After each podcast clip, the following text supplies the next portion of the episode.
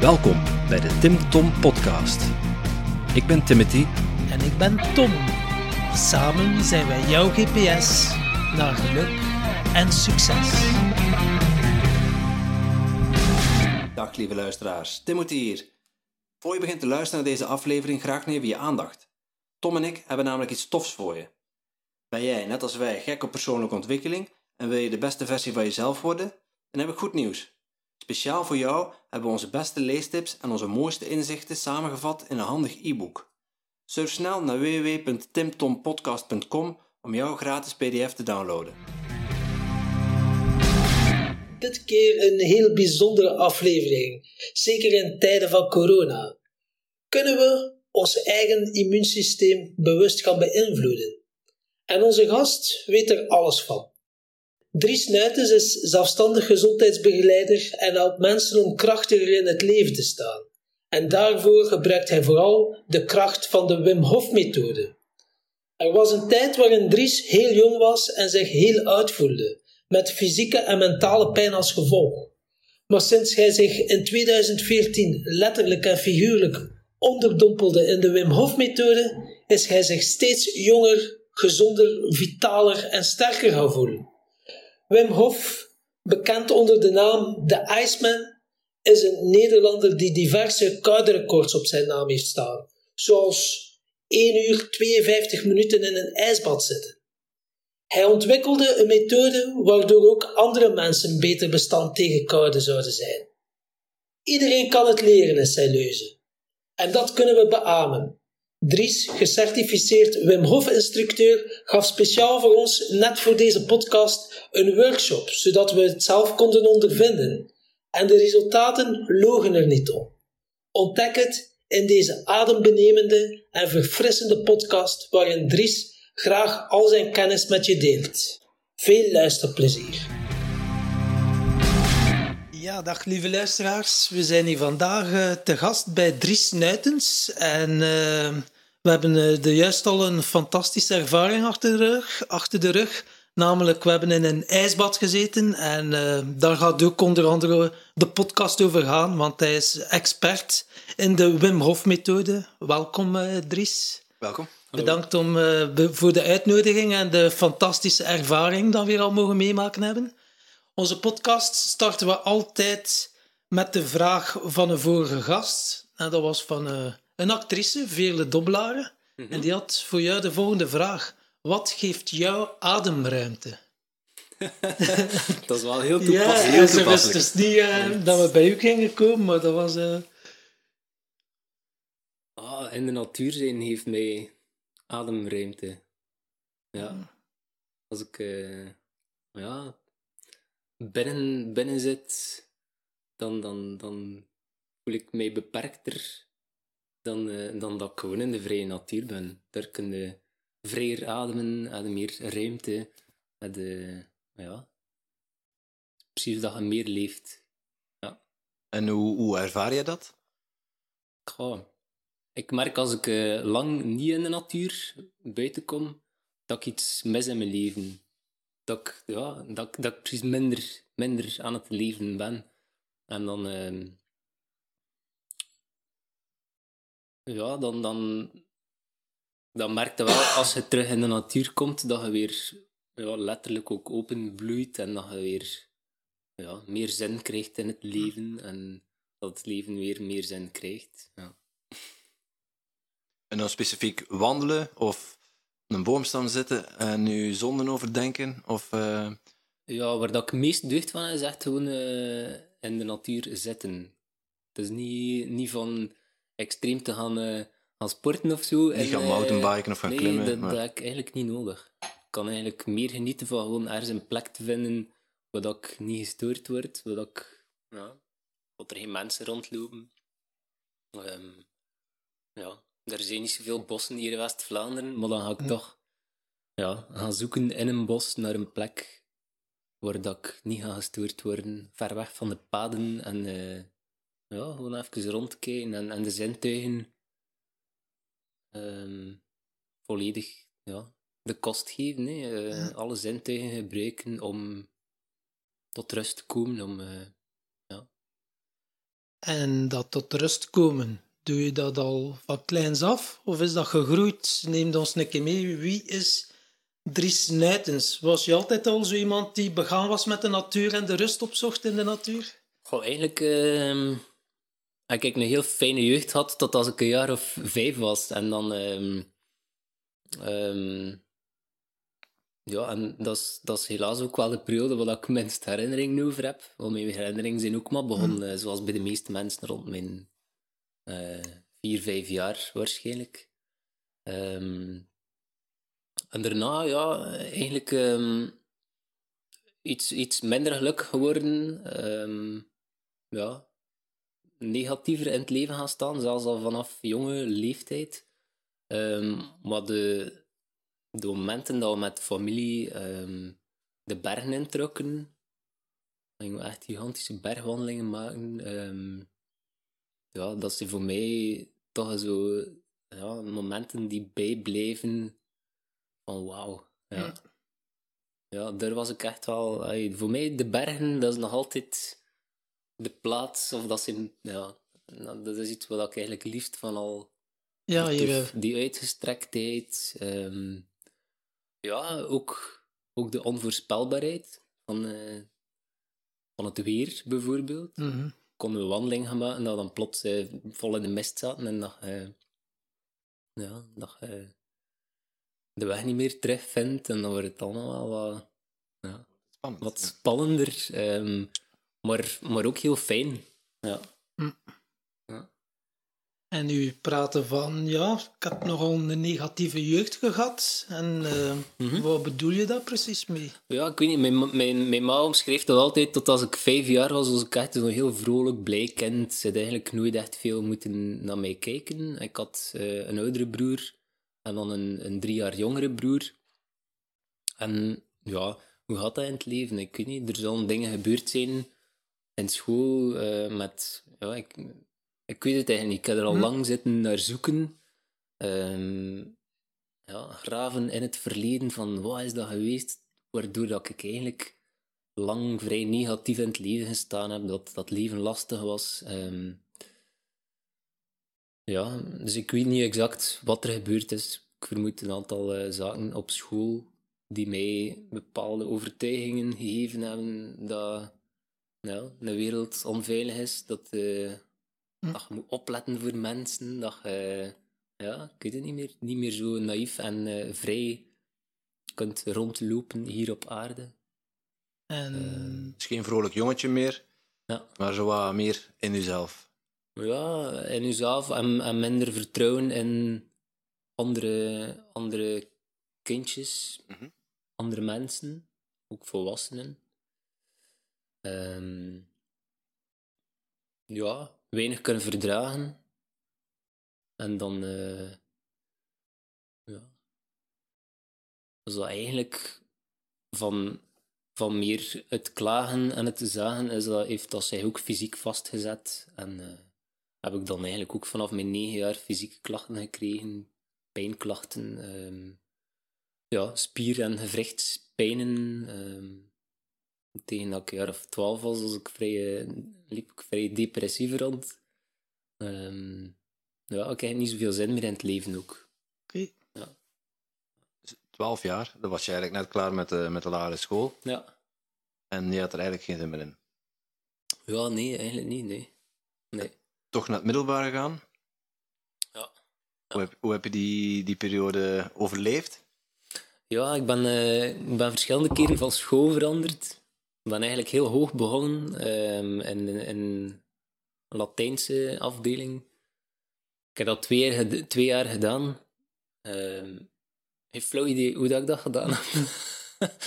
de intelligentie was er blijkbaar wel. Ehm, maar de zin om te studeren eh, eigenlijk totaal niet. En, en ik was ook vrij afgeleid door, ja, door mijn lichaam. Om, om, ehm, Die fysieke klachten waren er ook nog steeds. ja, dus dat. Als je, als je zit op een bank in school en je voelt dat continu en je zit dat gemakkelijk, ehm, ja, dat weegt wel. ehm, of dat, dat leidt wel af. Ehm, sporten deed ik heel graag, deed ik veel, maar had ik ook last van. Hm. Ja, en dus daar ben ik wel uh, doorgeworsteld die twee jaar, waarna dat ik toch een BA-test gekregen had en moest veranderen van, uh, van richting. En dan uh, ben ik eigenlijk meer mijn passie gaan volgen. Ik wou ook meer met, met biologie doen. Um, ja, eigenlijk het, het menselijk fun functioneren, maar ook de natuur, milieu. En dan kwam ik bij een richting biotechniek uit, als een technische richting. En dat heb ik dan nog vier jaar gedaan, maar ook in twee verschillende scholen. Ja. ja. Maar nog steeds had je last van, je, van depressieve gedachten en van, Ja. van die fysieke klachten. Hoe ben je daarmee omgegaan en hoe heb je dat uiteindelijk...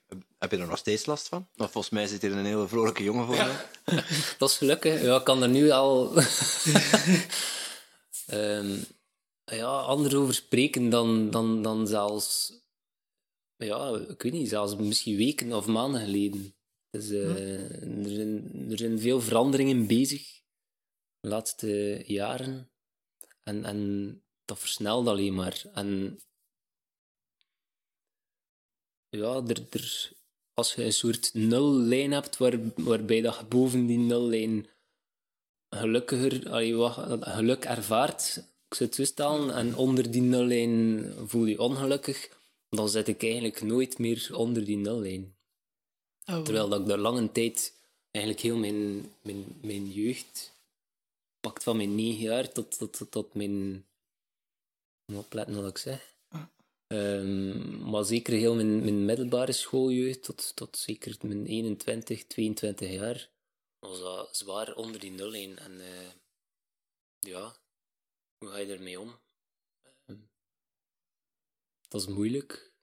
En hadden dan ook medicijnen? Ja, je hebt er heel veel medicijnen op de markt natuurlijk. Hè? Van Mm. Prozac tot, ik weet niet wat dat allemaal is. Heb je dat ook allemaal, eh, dat gamma... eh, Ja, ik hoor dat als dat geven aan kinderen. Maar ik ben gelukkig... ah, Ik ben opgegroeid in een, in een gezin. Eh, mijn vader is ehm, huisarts. En werkt ook met homeopathie. Dus hij is wel eerder gericht op ook de, de kruidengeneeskunde. En als hij het kan oplossen met homeopathie of kruiden, dan gaat hij dat ook doen. Ehm, dus op die manier ben ik eigenlijk nooit in aanraking gekomen met, ah, met medicatie. Wat al, ehm, ja, ik heb het altijd goed gevoeld. Maar, maar ik ben het, en dat is ook een voordeel, eh, denk ik, nu. Hm. Het is nooit eh, ja, onderdrukt geweest of zo. Met, En- met medicatie. Kan je nog eh, je herinneren, het kantelpunt? Hoe heb je jezelf uit die situatie gehaald? Ja, wel, er is wel één, één eh, serieus dieptepunt geweest dat, dat ik het echt niet meer, dat ik het eigenlijk niet meer zag zitten. Mijn, studies waren, allee, ik was gefaald in, mijn studies. Ehm, ik had drie jaar universiteit gedaan, verschillende richtingen. Eh, een jaar in Gent, twee jaar in, in, Brussel. En dat was zo, ja, ja, niet goed afgelopen in de zin van dat ik er niet door was en, en uiteindelijk gestopt was met hogere studies. Ehm, dan ben ik, beginnen, ben ik werken in een fabriek, drukkerij, vierploegensysteem. Dus eh, ja, iemand met mijn fysieke toestand, dan was, dat eigenlijk niet zo goed. Ehm, dat was ook een heel toffe job dat je, dat je gewoon een machine moest in de gaten houden. En het was alleen maar spannend als er iets gebeurde, als er iets fout liep in die machine. Maar dan was echt mega stressen om de juiste acties te ondernemen. Maar het meeste van de dag was eigenlijk gewoon op een machine staan kijken. Observeren. En dan zit je alleen met je gedachten. En dat is niet zo bevorderlijk voor iemand die nogal negatief in het leven staat en die, die geen uitzicht meer...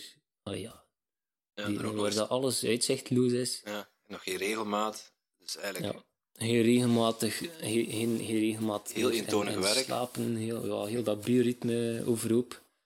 Ehm, ik verdiende goed. Hm. Vrij goed. ehm, maar, maar ja, ik koop daar niks mee. Hm. Ja. En dan, ik gebruikte wel heel veel cannabis ook eh, in die periode.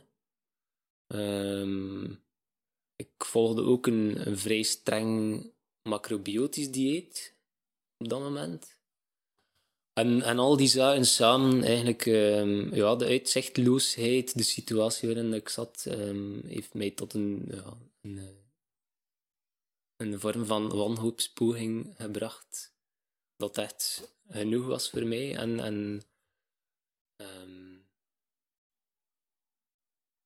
ja, zonder erin in detail te treden, er was een moment waarbij dat ik echt eh, het leven uit mij voelde eh, weggaan. En net daarvoor was er nog een soort strijd van ja, dat je precies nog wel vechten en dan komt er, heel, ja, komt er zo'n moment dat ehm, dat eigenlijk allemaal goed is zo. En, en, en, en, en dat eerder opluchting de bovenhand neemt en, en dat zo heel vredig voelt van oké, goed. Het is like tijd, om, tijd om te gaan. En uh, ja, blijkbaar was er toch nog uh, een of andere missie ja. voor mij bedoeld, want er kwam, er kwam echt een, een stemmetje of, of, of iets in mij dat reageerde van ja, maar nee, maar het is, het is nog niet gedaan. En dan heb ik gereageerd en, en ja, ben ik er nog uitgeraakt. En dat is eigenlijk wel het omslagpunt geweest. Dat was echt het dieptepunt dat ik ooit gezeten heb. Ik had ervoor ook al pogingen ondernomen, maar um, dat waren... Ja... Die waren iets minder voorbereid en... Uh, ja. Heftig verhaal. Mm, ja. Um, dat was het. Ja, ja. Maar soms moet je een keer diep gaan om dan weer... Ja. Zeker ja, ik, ja, ik, kan niet, ik kan daar niet uit ervaringen meespreken, maar um, dat dieptepunt heeft bij jou eigenlijk... Uh, je hoorde twee stemmetjes in je hoofd. Ene zei, het is goed zo, laat maar los. Mm. Het andere stemmetje zei, uh, hallo, ik ben hier ook nog, ik wil nog verder doen. Ja. En op een gegeven moment ben je naar dat ene stemmetje gaan luisteren en uit het dal geklommen. Ja, maar dat is, dat is echt in een, in, een, in een fractie van een seconde. Hè. Alleen omdat je echt je voelt je voelde eigenlijk het leven gewoon uit je wegleiden. En je voelde je helemaal ontspannen. En, dat, ja. en, en, en toch dat stemmetje die zegt van oké, okay, het, is, het is nog niet gedaan. En dan ik, uh, snel kunnen reageren. En, en, en ben ik eruit geraakt. Ja. En op dat moment dan dacht je, oké, okay, ik ga je mijn leven over een andere boeg gooien. Ja. Wat waren dan uw eerstvolgende acties? Ik had terug zin in het leven? Had Nee, voor u de beslissing genomen van, yes, Nee, totaal niet. Nee. Nee, ik had mezelf eigenlijk een beetje in een lastig parket gebracht. Dus ik... eh, die... eh, die, eh, die poging om, om er eigenlijk... het was niet van, ik heb nu zelfmoord gepleegd, maar het was wel een, een, een poging, ja, een, een soort wanhoopsdaad, maar die wel ook een crimineel feit was, waar dat ik eh 15 jaar cel voor kon krijgen. Ja. Wauw. Dus ja, dat was, eh, dat was niet zo als ik de dag erna op of, of, of wakker werd. Want ik, werd, ik ben in een cel wakker geworden. Ehm, het is niet, niet dat ik dan direct mijn leven in handen heb gepakt. En dan heb ik echt eh paniekaanval gehad. eh. ja, dan denk je dat je leven ook volledig voorbij is. Ehm, maar ben er eigenlijk goed uitgekomen. Ehm, het is bij die ene nacht cel gebleven. Ehm, het was wel iets dat lang meegespeeld heeft en, en ja, hoe dat je zelf bekijkt. Ehm, en dat je bang zit van, ja, gaan anderen wel niet denken. En, maar dat is wel, door, door, door dat diepste punt gehad te hebben, is dat geleidelijk aan wel, ben ik er geleidelijk aan uitgekropen. Heb, heb je dan hulp gezocht? Of heb je dat helemaal dat, dat pad zelf ingevuld? Goh.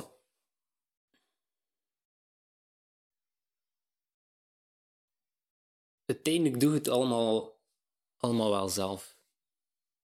Dat ben ik, eigenlijk- ben ik eigenlijk meer en meer beginnen beseffen. Ze.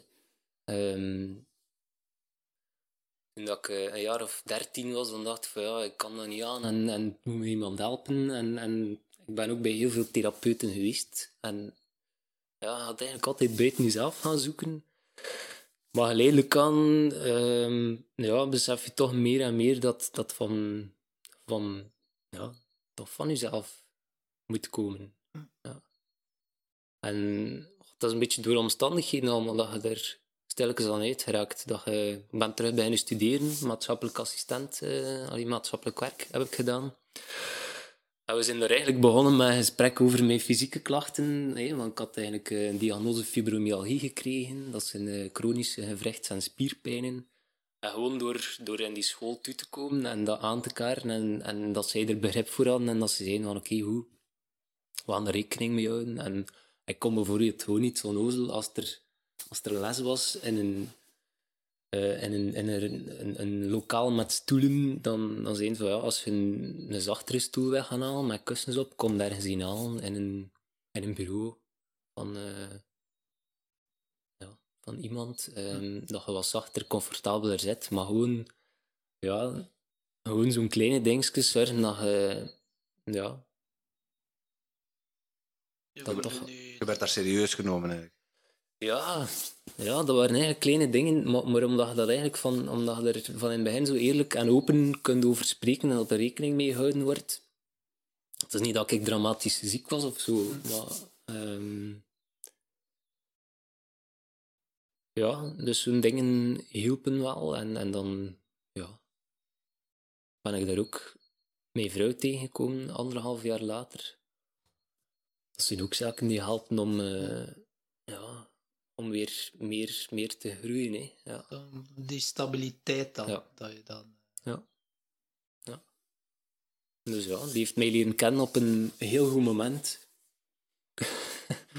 Ehm, en en ja, kijk, we zijn ondertussen nog altijd samen. Dus, eh, mooi. En vanuit maatschappelijk werk, hoe ben je dan in eh, coaching terechtgekomen waar je nu mee bezig bent? Ja. Ik had eigenlijk heb stage gedaan in, eh, dat was hier in Roeselare, in een, eh, een instelling voor kinderen met eh, gedragsproblemen, ehm, ook een mentale achterstand. En ehm, ik zat daar op de sociale dienst en eigenlijk heb ik daar dingen gezien, gehoord, waardoor dat ik een beetje een, eh, ja, een afkeer gekregen heb van alles wat dat zo maatschappelijk werk was. Ehm, ik werkte toen al in, eh, in Decathlon in het weekend. En ik ben eigenlijk gewoon in de verkoop gegaan dan het moment dat ik afgestudeerd ben. Ik had, ik had toen een vaste job. Allee, of kon direct beginnen als eh, fulltime verkoper. En ehm, ja, ik heb eigenlijk nooit gewerkt als maatschappelijk assistent. Ehm, ja, en een fijne carrière gehad binnen Decathlon in de verkoop, verschillende functies bekleed, eh, hoger, hoger opgegroeid, verschillende winkels gedaan. Eigenlijk iets wat ik gewoon was, van veel te veranderen van school, veel, veranderen van, ja, van omgeving, van kennissenkring. En dat heb ik doorgetrokken in Decathlon. Ik denk dat ik er ook eh, vier verschillende winkels gedaan heb. En dan, eh, toen dat ik dertig was, had ik zoiets van, ja, wat, ga ik nog doen met de rest van mijn leven? Ehm, dat is ondertussen ook al acht jaar geleden. Ehm, en, en ik dacht, van, ik amuseer me hier eigenlijk wel. Er kwam veel stress bij kijken. Ehm, maar ja, je een vaste job, je verdient eigenlijk niet slecht. Ehm, hebt nog altijd toekomstperspectieven om, om daar verder in te geraken in die job. Eh, maar ik had zoiets van, als ik iets anders wil doen, dan moet ik het nu doen. Als ik eh, kan deze job nog vijf jaar, nog tien jaar blijven doen, maar wat dan? En dus dan ben ik eigenlijk, eh, heb ik eigenlijk eerst mijn ontslag ingediend en ja, op mijn job daar. En je had nog geen plan B. Ik had geen plan B. Nee, ik, had, ik, had, ik was nog niet begonnen met iets anders. Maar ik had zoiets van, ja, nee, ik moet, ik moet ja, de ruimte scheppen om andere dingen op mij af te laten komen. Dus ik dacht van, ja, ik ga wel iets anders vinden, iets toffers, iets eh, uitdagends weer. En eh, ja, mijn opzeg was klaar. En, eh, en ben, en ben ik dan... eh, Ehm, ja, toch werkloos gevallen. En na 19 dagen heb ik een andere job gevonden, en iets totaal anders, in milieutechnieken. Waarbij dat ik ehm, staalnames moest gaan doen. Ik zat eigenlijk in de auto en, eh, En ik moest staalnames doen over heel Vlaanderen. Ehm, en toen ik er een half jaar bezig was, maar ik was die job eigenlijk keihard beu. Dat was eigenlijk echt geen fijne job om te doen. Ehm, en ehm, ja, toen ik er een half jaar bezig was, ik ging daar eigenlijk niet stoppen, was ik eh, studies tegengekomen tot gezondheidsbegeleider. Ja. En eh, dat was een vierjarige opleiding om eigenlijk ja, ja, mensen op een natuurlijke manier te gaan begeleiden op vlak van gezondheid. Ehm, Gezondheid is heel breed. Was dat ja. dan? Ah, wel, eigenlijk was het zelfs begonnen gewoon voeding. Goed, hè. Ik had daar ervaring mee. Ik wist wel... ey, ja, ik wist veel over gezonde voeding. Ik dacht van, oké, dat is interessant om daar iets mee te doen. Ik wil mensen helpen. Ehm, en wie weet help ik er mezelf ook mee. Ehm, en dan ben ik eigenlijk die een job als staalnemer gewoon blijven doen. Omdat dat een, flexibele job was, dat, was een, eh, ja, dat kwam mij eigenlijk goed uit om die job zo te combineren met die studies. Ehm, en er waren ook wel toffe bijkomstigheden dat je bijvoorbeeld in de winter ehm, in de zee kon gaan zwemmen. Tijdens mijn ronde dan maakte ik dat ik juist ergens eh, in Middelkerken was op de middag, dat ik mijn middagpauze kon, eh, of in mijn middagpauze even kon gaan lopen op het strand in mijn bloed bovenlijf, of even kon gaan, eh, gaan zwemmen in de, in de zee, of gaan zitten in de zee. Dus, eh, Mm, Ja, ik bedoel, ik denk dat je daar wel alleen was op het strand. ja, In de zwembroek. En al helemaal de enige die in de zee sprong. ja, dat is dan wel. Wat bezielde u om in de winter in de zee te gaan zwemmen? Ah, wel, dat was eigenlijk kort achter dat ik ehm, de Wim Hof methode had leren kennen.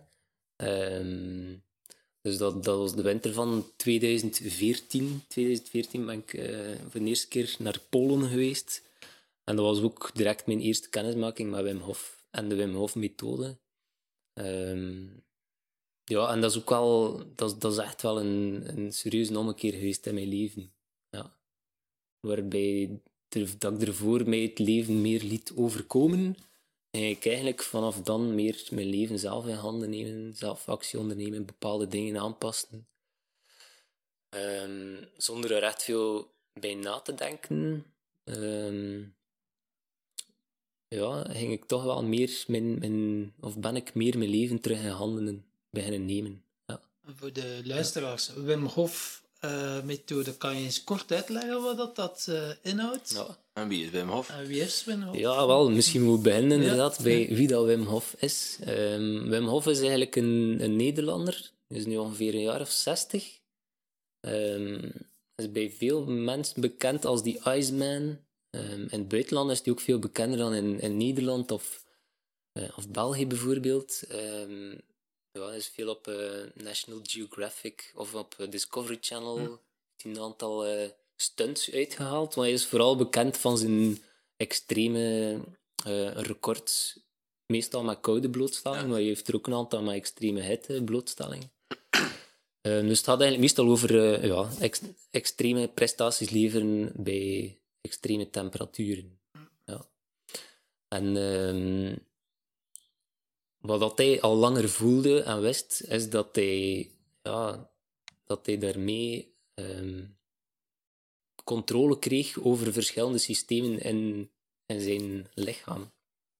En dat konden ze ook waarnemen, dus eh, ze onderwierpen hem ook aan wetenschappelijke tests. ehm, en dan zagen ze dat hij inderdaad ehm, bijvoorbeeld een immuniteit, dat die heel goed was, dat hij, ja, dat hij zeer weinig ontstekingseiwitten in zijn sy- systeem zitten had, ehm, enzovoort. Ehm, hij zei van, ja, ik kan er eigenlijk wel veel mensen mee helpen, maar hij werd altijd een beetje als een freak aanzien van, ja, doe hij maar je stunt en ehm, die wetenschap dat weten wij wel beter. Je moet er niet te veel over zeggen. En, eh, en bla, bla. Maar doordat hij eigenlijk zo ehm, ja, bekend aan het worden was, waren er toch meer en meer mensen. En hij zei dat ook wel, wat dat allemaal deed.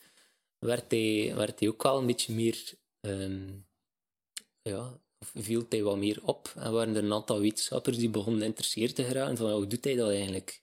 Want die zit, ehm, ik denk dat zijn, zijn record nu ergens op een, een uur en 52 minuten in een ijsbad zitten. Spreken een Eh, echt een ijsbad, 0 graden. Ja. ja, ja, dus eigenlijk een bak met ijs. dus normale Dit- mensen dat zijn na, eigenlijk- na een kwartier onderkoeld. Ja, ja.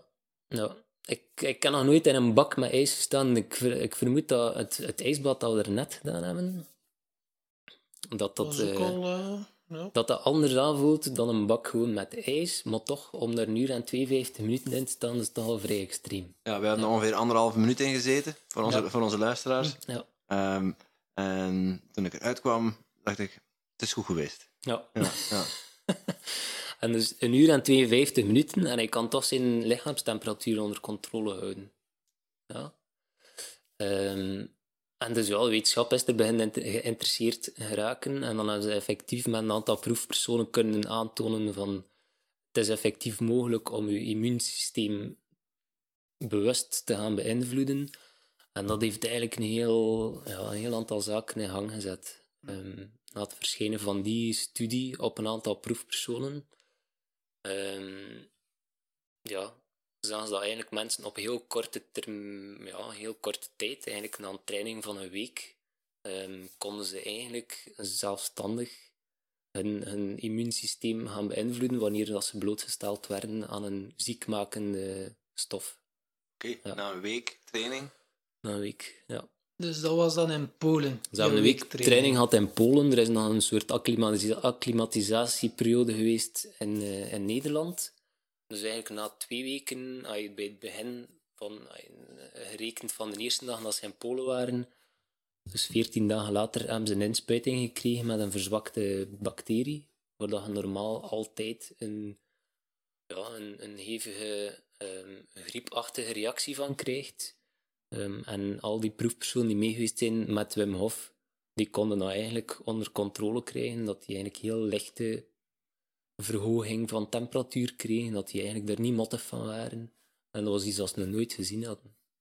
En nu is dat bij u op uw pad gekomen, Wim Hof? Via internet? Of had het ergens anders? Het was, het was eigenlijk ook eh, in die opleiding dat ik aan het volgen was. Ah, Ehm, dus ik, ik werk ondertussen ook als eh, gezondheidsbegeleider. En het, het uitgangspunt is eigenlijk altijd het eh, stimuleren van het zelfgenezend vermogen van mensen.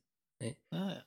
Want wij hebben eigenlijk een, een enorme kracht in ons zitten. Als we, ja, als we sneeuw hebben in ons vinger, staan we daar nooit bij stil van, gaat dat wel dichtgroeien. We hebben eigenlijk dat vertrouwen dat die sneeuw goed gaat dichtgroeien. Ehm, maar als er iets ernstiger, ernstigers is, ehm, ja, dan, dan twijfelen we daar vaak aan. Zijn we dat vertrouwen kwijt? Gaan dokters of, of onze omgeving gaan ook gemakkelijk zeggen van ja, maar ja, het is toch beter dat je dat pilletje pakt, of dat je dit doet, of dat je dat. eh, En, en, en ja, dat we eigenlijk dingen buiten ons gaan zoeken, terwijl we het eigenlijk dat we van binnen zo'n kracht zitten hebben, met zo'n enorm potentieel, maar dat we vaak maar een klein stukje van gebruiken.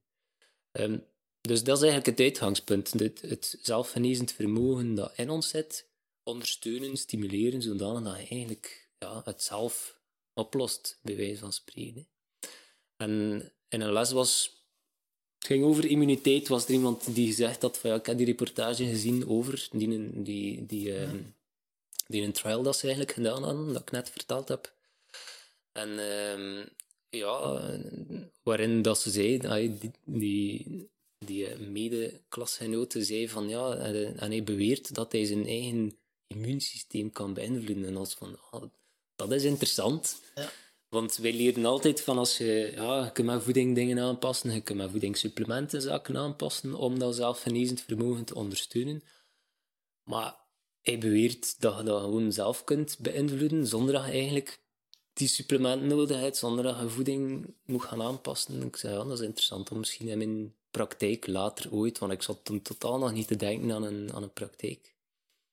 Ehm, en, en ik ben beginnen opzoeken, dat was dan nog vrij in, in het begin, er waren nog niet zoveel filmpjes als dat er nu zijn. Eh, dus dat was wel wat zoeken. Ehm, en dan was de volgende stap eigenlijk een workshop volgen. Dat is er niet van gekomen om een korte workshop te volgen. En, en dan dacht ik van, ja, ik wil er gewoon meer over weten. Die, test, die testgroep is mee geweest naar Polen. Ik wist dat er een winterreis was, dat was vrij kostelijk, die reis. Eh, dus ik heb er toen de helft van mijn spaargeld aan gespendeerd. En dat was eh, een van de beste investeringen uit mijn leven tot nu toe. Je moest daar naartoe. Ja, ja ik weet ook niet. Ja, toen, dat, dat was... Zelfs voor, voor een gewone reis van 14 dagen zou ik nooit zoveel geld uitgeven.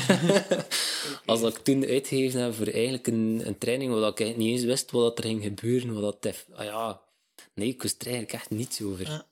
Ehm, en, en ja, daar eigenlijk eh, de basis en zijn rauwe, ja, eh, straightforward vorm geleerd van Wim Hof. En dat is wel de max.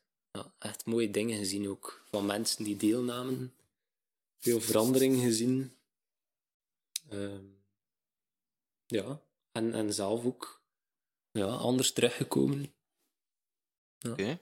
En ehm, jij vertelde net dat je daar de Wim Hof methode geleerd hebt. Ja. Kun, je, kun je ons daar wat meer uitleg over geven? Ja. Hij heeft zijn eigen methode bedacht of verzonnen. Wel, hij gebruikt eigenlijk verschillende technieken, maar om het eigenlijk eenvoudig en simpel te houden, heeft in, in, in drie pijlers gegoten, zou je kunnen zeggen. En, en dat is eigenlijk echt de basis. Dus dat is eigenlijk een ademhalingsoefening. Ja. Ehm, de tweede is de koude blootstelling. Ja, geleidelijke koude blootstelling. Niet, dat hoeft niet direct extreem te zijn, maar geleidelijk wennen aan de kou en, en de kou gebruiken als ja, een trainingspartner om dat potentieel meer te gaan benutten, meer naar boven te laten komen. En, en daar, daar doorheen geweven of verweven zit eigenlijk de mindset training. Ja.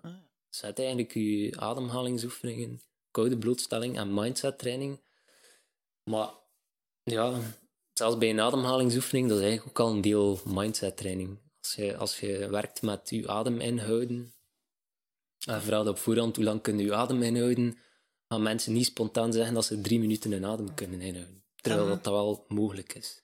Lieve luisteraars, we kunnen dat beamen, want eh, we hebben eh, een korte workshop gekregen van eh, de ademhaling. En eh, in het begin was het eh, nog geen minuut. En dan eh Timothy kreeg het dan toch de derde keer voor elkaar. Meer dan drie minuten en we hebben zelfs stop moeten zetten. Dus eh, ja, ik zat ook tegen de drie minuten. Dat is fenomenaal uiteindelijk. Ja, dat is wel bijzonder, ja. Ja, hoe lang heeft dat geduurd? Twintig minuutjes zeker dat we geademd hebben. Ja, het- ik was ook even de tijd kwijt. Ja, ik was- denk zelfs maar een, ja, een, een groot kwartier of zo. Ja, een kwartier, twintig minuutjes. Kan je zo nog een keer kort het proces uitleggen van de mensen, wat dat je met ons uitgestoken hebt om tot dat resultaat te komen? Ehm, ja, ja het, is een, het is een eenvoudige ademhalingsoefening. Wat dat we eigenlijk doen, is ons lichaam oppompen met zuurstof door diep in en uit te ademen. Ja, we ademen eigenlijk een 25 tot 30 keer diep in en uit. En, eh, en daarna gaan we nog een laatste keer diep inademen. En na het uitademen gaan we stoppen met ademen. Dus dan gaan we eigenlijk in een, in een vorm van retentie. Ehm, en doordat we zoveel zuurstof in ons systeem hebben, zo weinig CO2 in ons, in ons systeem zitten hebben, ehm, kunnen we dat eigenlijk wel een tijdje volhouden, die retentie. Ja? Zoals dat je gezien hebt, dat Ja. gaat van ja, 50 seconden tot 3 minuten, 4 Ja. minuten. Ja, je hebt dus totaal geen adem, ademprikkel. Nee, Dus Nee. u, ik merkte wel in mijn hoofd, mijn hoofd zei wel van, misschien moet je een keer ademen. Ja. Maar mijn lichaam zei niet Ja. van, je moet ademen. Ja. Dus- nee, ik zeg dat ook ja. vaak, dat, dat je begint eigenlijk pas terug te ademen op het moment dat je voelt dat je terug moet ademen. En je voelt dat ook fysiek, je voelt je middenrif samentrekken of, of rond je middenrif. Maar je kunt eigenlijk inderdaad vaak het, het, ja, de gedachte krijgen van ik lig hier nu toch precies al vrij lang, ik zou misschien toch beter een keer terug ademen. Maar nee, het is echt de bedoeling om bij dat gevoel te blijven. ehm, en, en, en pas echt als je voelt van oké, nu moet ik ademen, dat je dan pas... Het is niet krampachtig je adem inhouden. Hè. Nee, het is echt Gewoon in een ontspannen toestand wachten tot die prikkel komt. Ja, Zodat je lichaam geeft eigenlijk zelf het signaal van, misschien moet je nu een keer ademen. ja, ja. ja het is echt heel, heel boeiend. ehm, zeker de eerste keer, ja, voor jullie is dat nu nieuw. Mhm. Maar ik weet ook nog mijn eerste week dat je, dat je er soms lag en dat je zat te denken van... Ja, ik zou nu toch beter een keer ademen, want dat blijft hier maar duren. En dat je Ja. denkt van, ga ik er nu nu niet meer moeten ademen of zo? Of ben ik aan het ademen? Dat je zit af te vragen, ben ik niet stiekem aan het ademen? Eh, Ja, ja, ja inderdaad, die gedachte kwam bij mij Ja. ook op. Dus ehm, ja. En dat gevoel is ook zo de rode draad doorheen de Wim Hof methode. Ja, het is een soort meditatieve toestand, hè. Eh, want Ja. je bent echt wel eh, zo in een soort ander bewustzijn en een heel vredig gevoel. Dat is echt wel... eh, Ja. Je pompt je lichaam helemaal vol met zuurstof, dus ik voelde daar ook een lichte high door in mijn hoofd, een licht gevoel in mijn hoofd. Ja. Ehm, is dat gevaarlijk? Zo ademen? Er zijn wel een aantal risico's. Dus eigenlijk, ehm, ja, het is altijd goed om... Komt om... nu mee, hè? Nee, nee, we hadden, er, al over gehad. Maar inderdaad, ehm, het is een oefening dat je niet zomaar overal kunt doen. Hè? Dus je zorgt dat je eigenlijk in een veilige omgeving ehm, die ademhalingsoefening kunt doen, omdat er altijd een risico is dat je een soort blackout krijgt, dat je van jezelf gaat of dat je duizelig wordt en, en even je evenwicht verliest. Dus het is ten sterkste af te raden als je aan het fietsen bent of aan het, aan het wandelen bent of met de auto aan het rijden bent. Zeker ook niet in de buurt van water. Ehm, maar ja, eigenlijk is het een oefening dat iedereen... Eigenlijk is dat basis van het menselijk functioneren bijna. Dat is, dat is eigenlijk een soort shortcut, shortcut dat je kunt aanleren om heel snel je lichaam te gaan ontzuren, om heel snel meer zuurstof in je systeem te brengen. Ook om heel snel diepe rust te vinden. Ehm, iets wat heel veel mensen ook Ja, want je sprak ook wel de afvalstoffen, er- hoeveel was het? 70% Ja, of zo? 70% van de afvalstoffen uit ons lichaam verlaten ons lichaam eigenlijk via de ademhaling. Dan heb je nog de urine, het nog je zweet, ehm, ja, de stoelgang, maar, maar eigenlijk, het, we staan daar niet bij stil, maar eigenlijk ons grootste ontheftingsorgaan, dat is eigenlijk onze, ja, onze ademhaling, Allee, de longen. En ik moet er nu spontaan aan denken, want je sprak dan, je had fibromyalgie. Mhm. Heb je dan door die Wim Hof methode dat opgelost? Of was dat dan...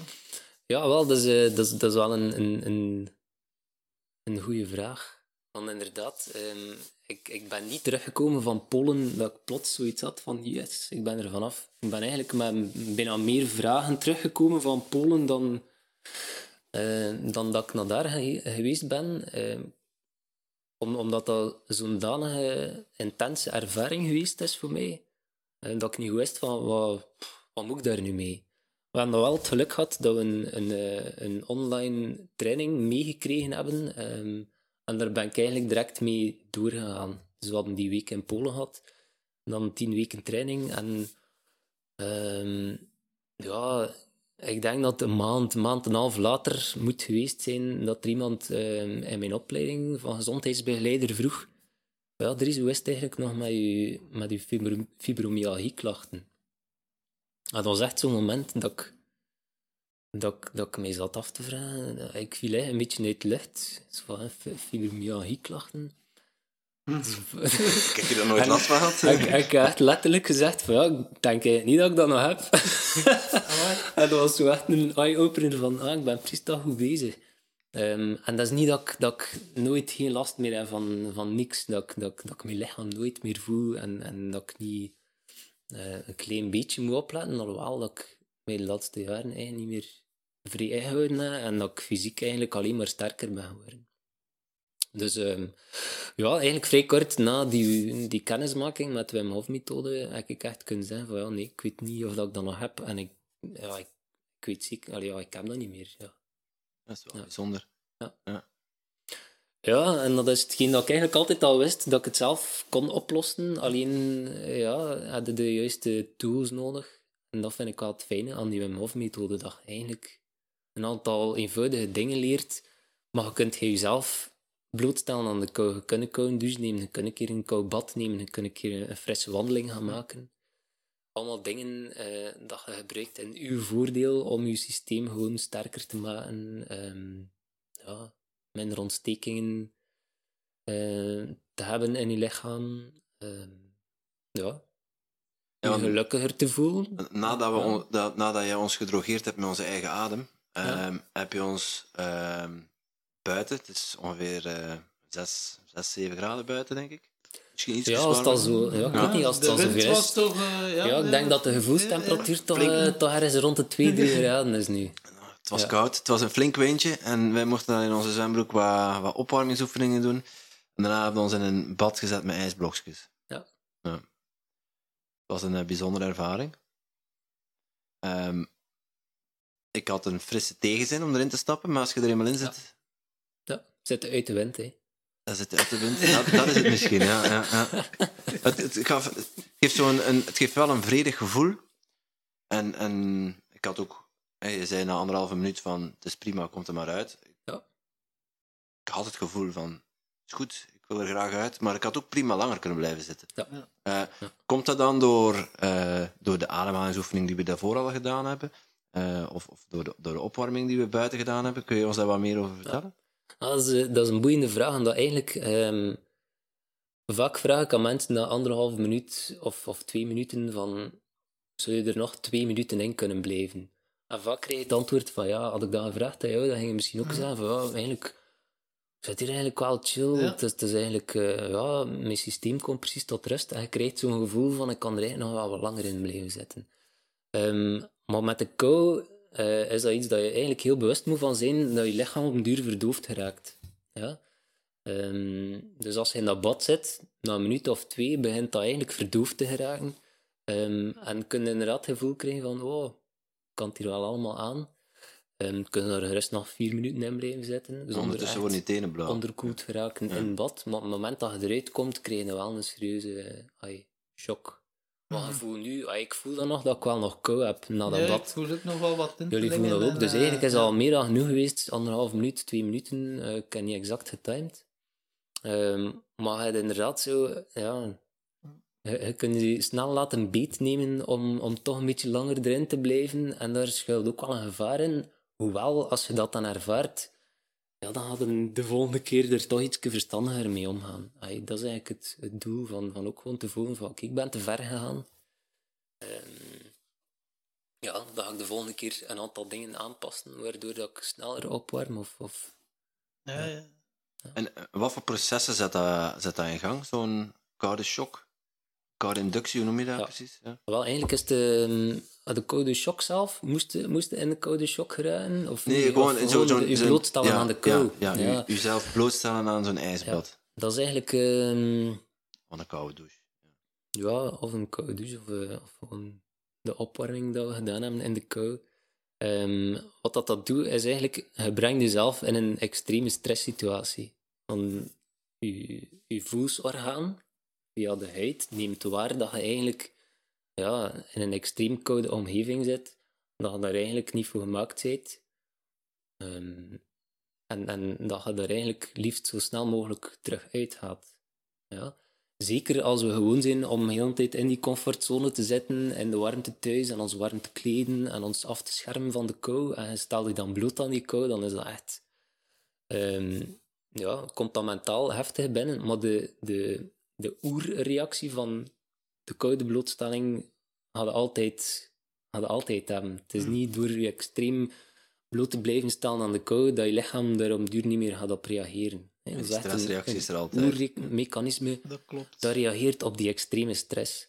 Je Ja. kunt koud douchen, doet nu ongeveer al een jaren af, maar het is toch nog elke dag dat ik denk, Ja. "Wow, waarom doe ik Ja, dat eigenlijk? En dat is, Ja. maar ja, dat is wel de Ja. uitdaging. Ja. Ja. Dus, eh, dus het is echt een extreme stresssituatie waar dat je jezelf in blootgeeft. En bij stress komen er ook een heel aantal stoffen vrij.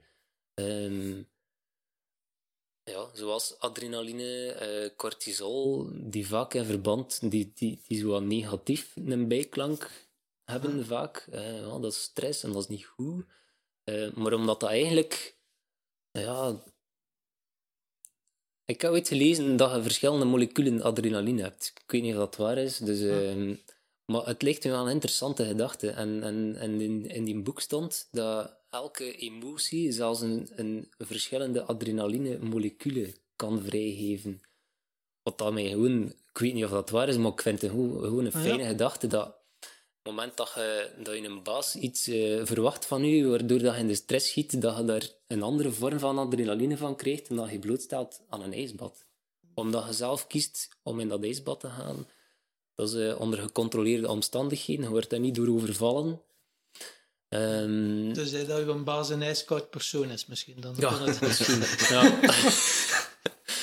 maar dus als we kijken, ja, die adrenaline komt vrij. Maar dat is eigenlijk een korte blootstelling geweest van, eh, van, van, van stress. Nadien komt uit dat bad, is die stressprikkel weg. Ehm, maar, maar die hormonen die vrijgekomen zijn, die zijn, die zijn niet onmiddellijk weg. Dus die zijn in een bepaalde hoeveelheid vrijgekomen en die blijven eigenlijk nog een hele tijd doorwerken, maar dan eigenlijk op een positieve manier. Ja, dus er komen ook eh, ja, dopamine, serotonine, dus eigenlijk de, de happy hormones komen vrij.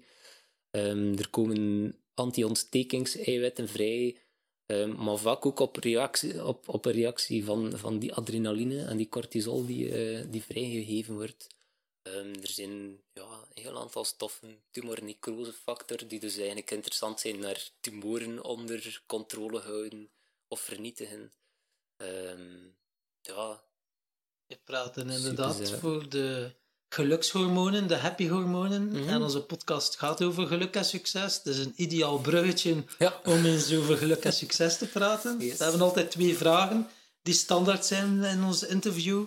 En dat is, wat is jouw definitie voor geluk en wat is jouw definitie voor succes? Je mag zelf invullen met wat je begint. Ja, dat, is, eh, dat zijn eigenlijk wel nog eh, lastige thema's. Hè? Ja. ja. ja. Ehm, Er is geen fout antwoord. nee, nee, dat weet ik. Ik, heb er ook geen, ik krijg daar geen stress van. Of zo. Geen cortisol, geen cortisol. Nee. Ik vind dat, nee, het is, het is vooral een heel boeiende vraag. Ik heb er ook op voorhand niet over zitten nadenken van ja, wat, wat zou dat nu betekenen.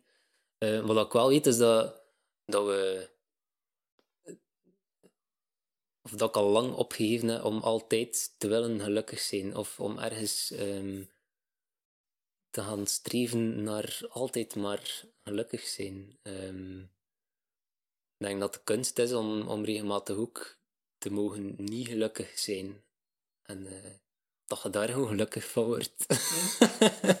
van Ja. jezelf toe te laten om eh, ja, een keer down te zijn en eh, ja. Maar gelukkig zijn voor mij is, is dat ik ja, op die momenten eh, voel ik mijn lichaam bijvoorbeeld. Die, ga, ik- ga ik geen, geen fysieke pijn hebben. Voor mij is dat echt echt gelukkig zijn. Dat is eigenlijk een beetje zoals dat we in die ademhalingsoefening doen, dat je in die, in die extreme rust zit, in de retentie, en dat de tijd ophoudt met bestaan. Ehm, maar daarvoor moet je eigenlijk bezig zijn met gewoon iets dat je heel leuk vindt, iets dat je vrij tof vindt om te doen.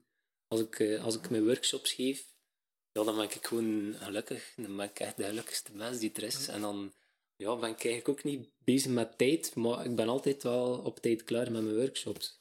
Mhm. Ehm, we zitten in een bepaalde flow. ehm, ja, zijn mensen iets aan het, aan het bijbrengen. Ehm, je kunt je passie helemaal, helemaal eh, ja, uitoefenen.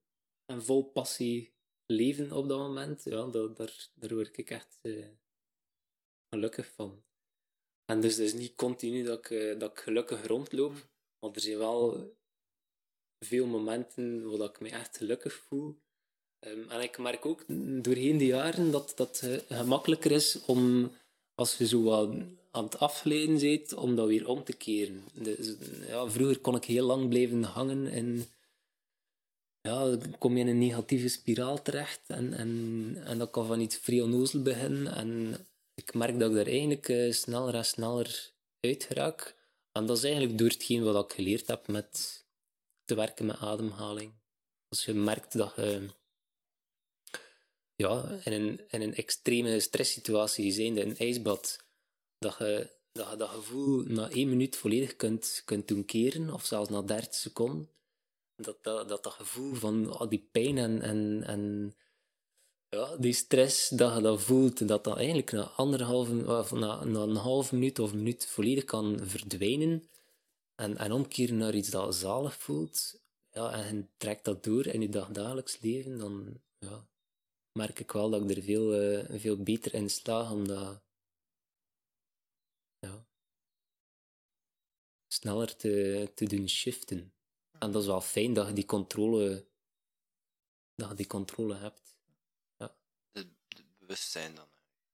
Ja, Bewustzijn van je lichaam, balans bewustzijn tussen... van, ja, ja. en ook bewustzijn hoe dat je dan op dat moment aan het ademen bent. En dat je, dat eigenlijk, dat je eigenlijk op elk moment kunt ervoor kiezen om, om dat weer te veranderen. Dat is ook maar weer een gevoel, je down voelen. Dan kun je eigenlijk even zeggen, ah, maar wacht, ja. Het is maar waar dat je focus op legt. Ehm, dus dat is echt jezelf, ja, ik merk dat dat wel eh, een beetje, ja, het trainen is van jezelf om sneller en vaker gewoon een, geluksgevoel te hebben. Maar een geluksgevoel voor mij is eigenlijk, ja, misschien is dat eigenlijk gewoon jezelf helemaal te aanvaarden zoals dat je bent. En de, de, de zaken eigenlijk te aanvaarden zoals dat ze zijn. Zonder fatalistisch te zijn of je bij, bij een situatie neer te leggen, maar gewoon van oké, goed, de situatie is is wat het is. is zoals dat is. Dat hoor ik al niet graag, want het is wat het is. En Dat, dat lijkt soms zo van, oh ja, ik kan er niks aan doen. Ehm, en en voor mij is het, ja, het, het is, het is zo van, oké, de situatie is nu zoals dat is, aanvaard ze. En oké, en wat ga ik nu doen? Welke keuze maak ik nu? Ja. Ja, het is niet aanvaarden en u bij Voilà. neerleggen, maar aanvaarden en de verantwoordelijkheid ja, nemen. Ja. Voilà. We zijn verantwoordelijk voor ons eigen leven, voor ons eigen geluk. Maar verantwoordelijkheid zie ik echt in de zin van verantwoordelijkheid is gewoon keuzes maken. Wij gaan eigenlijk, ja, dat, heeft niks te maken met, met schuld. Verantwoordelijkheid komt vaak in dezelfde, ah, je wordt gevolgd door van ja, maar ja, als je verantwoordelijkheid niet opneemt, ja, het is dan uw schuld. Maar verantwoordelijkheid is eigenlijk gewoon ja, the ability to respond. Responsibility. Dus er, er doet zich een situatie voor en ik heb altijd de keuze om te kiezen van hoe ga ik ermee om. Ik kan blijven hangen in, in iets negatiefs of ja, ik kan het ook eh, ja, anders aanpakken. En de ene keer lukt dat beter dan de andere keer. Soms heb ik daar mijn kinderen een keer voor nodig, soms heb ik daar een keer mijn vrouw voor nodig om mij daar door te sleuren. En soms lukt dat vanzelf. En dat, dat is gewoon het boeiend proces van het leven, denk ik. Mooi. En, en wa- wa- wat is voor jou dan een definitie van, van succes? Ehm, succes, ja, daar ben ik eh, nog eh, volop naar op zoek. We zoeken samen. voilà, na deze post podcast. ehm, nee, ehm succes. Waar ben je naar op zoek dan? Ja, ik, ik vind dat zo'n een, een lastige woord, succes, omdat dat, dat is precies dat ja, succesvol zijn in het leven, ehm, dat heeft dan een heel aantal voorwaarden. Ehm, ja, Wat is voor u iemand die succesvol is? Wat is je, Goh ja, eigenlijk iemand die, eh, ja, die in een, in een soort constante ehm, flow zit. En niet enkel op... Ja, je hebt veel mensen die succesvol zijn in een job. Die succesvol zijn in geld verdienen, maar die dan echt een, ja, een crappy gezinsleven hebben. Of, of die... Ja, voor mij echt eh, een succesvol leven zou zijn dat... Ja, dat ik eigenlijk eh, met trots kan, kan terugkijken op wat ik betekend heb in, in dit leven, voor mezelf in de eerste plaats. Eh, de groei dat ik doorgemaakt heb, wat dat betekent voor andere mensen. Ehm,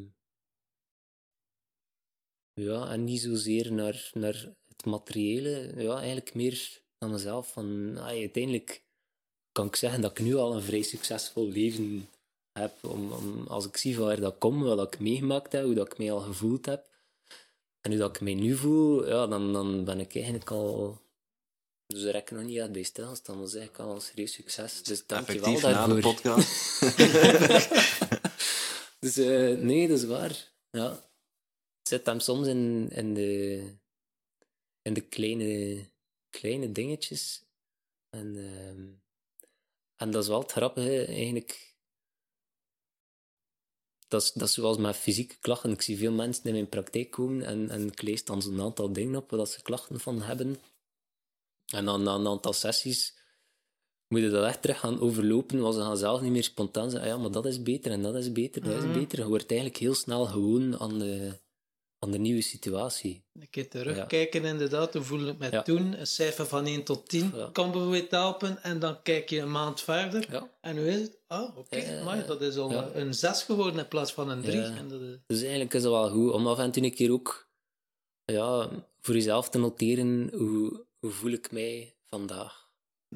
Ehm, en daarin inderdaad wel, om ook niet scores aan te geven. En, en dat is wel tof om later terug te lezen van oké, goed, toen dacht ik zo ehm, en toen voelde ik mij zo. Echt vooral dat gevoel van oké, ik voel dat ik daar nog, eh, nog wat kan bijsturen. Of ik voel dat ik daar tegenaan stoot. En, en als je dan vijf jaar later kunt teruglezen, ehm, ja, dan zie je dat je toch, eh, toch succesvol bezig bent. Wat stappen gemaakt. Ik moet zeggen, de tijd vliegt. Ik denk ja, dat we... ik eh, zat ook net te kijken. Eh, dus we moeten helaas afronden. ja, nee, dat is, dat is Ehm, heel fijn. We hebben, tot slot hebben we nog, een- nog een ehm, verzoek. Eh, Ja. Jij mag de vraag voor, de, voor onze volgende gast bedenken. Ja. Dus uh, nu de eer. En, en hoeveel tijd hebben we? Ja, een, een, een vraag voor de volgende persoon. Wat doet jou shinen? Oké. Mooi. Ja. En we gaan bij God langs. Hij heeft echt wel, hij rijdt met een auto, een Porsche, en zijn nummerplaat is God. Ja. Tom Hergots. Hergots. Ah, ja. Ja, ik dacht dat is echt waar. Dat is echt waar. Ja. Ze zijn benieuwd wat hem Ja. doet shinen. Hoe kunnen ze eh, jou vinden? Want je geeft work- workshops en Ja. ik hoorde ook van individuele begeleiding. Ja. Je mag eens kort... eh, Ja, normaal gezien, als je mijn naam, eh, Dries Nuitens, als je dat in Google intikt, dan zou je wel bij mij ergens terecht moeten Ja, of komen. bij onze podcast. Of via de podcast, voilà. Ehm, op Facebook kunnen mij vinden, ehm, maar misschien eerder als de gezondheidspraktijk Neteru. niet tegen. Ja, N-E-T-E-R-U. Ehm, en daar heb ik ook een website van. Dat is ook gewoon Neteru. Dat is dan eigenlijk vooral de gezondheidsbegeleiding dat ik samen doe met mijn vrouw. Ehm, maar ook alles van workshops van de Wim Hof methode staan daarop. Ehm, dus voilà, ik ben ook bezig met eh, corporate wellness. Dus om eigenlijk meer de self-care in plaats van healthcare in bedrijven te krijgen. Ja, want wellness is, klinkt zo'n beetje... Corporate wellness klinkt, klinkt eh, soms wel afstotend voor mensen, eh, maar het gaat eigenlijk om self-care. Dus dingen, dingen eh, aanbrengen, heel simpele zaken, waardoor dat je eigenlijk wat beter voor jezelf zorgt en dat je je sterker, gezonder, gelukkiger voelt. En ja, dat is waar dat we allemaal een beetje naartoe werken. Oké, super. Heb je nog een, een, een leuke slotboodschap voor onze luisteraars? Ja, wel, life starts where the comfort zone ends. Dus, eh, en zie ook die comfortzone niet als iets dat, dat strak afgebakend is, want buiten die comfortzone is er een heel ruime learning zone. Dus eigenlijk een heel grote zone waarin dat je enorm veel kunt leren over jezelf. Ehm, en, en waar dat eigenlijk ja, je groeiproces in gang schiet. In je comfortzone, dan, dan blijven de dingen zoals dat ze zijn. Ja, het is daar wel een beetje koud af en toe, in, buiten de comfortzone. Ik heb het, ik heb het daar zelf ervaren. Daarvoor moet je soms een keer naar buiten gaan. Ja, zonder trui en zonder vest en zonder muts en eh, zonder kleren. Ja. Super. Oké, dankjewel. Dankjewel. Maar hou het safe.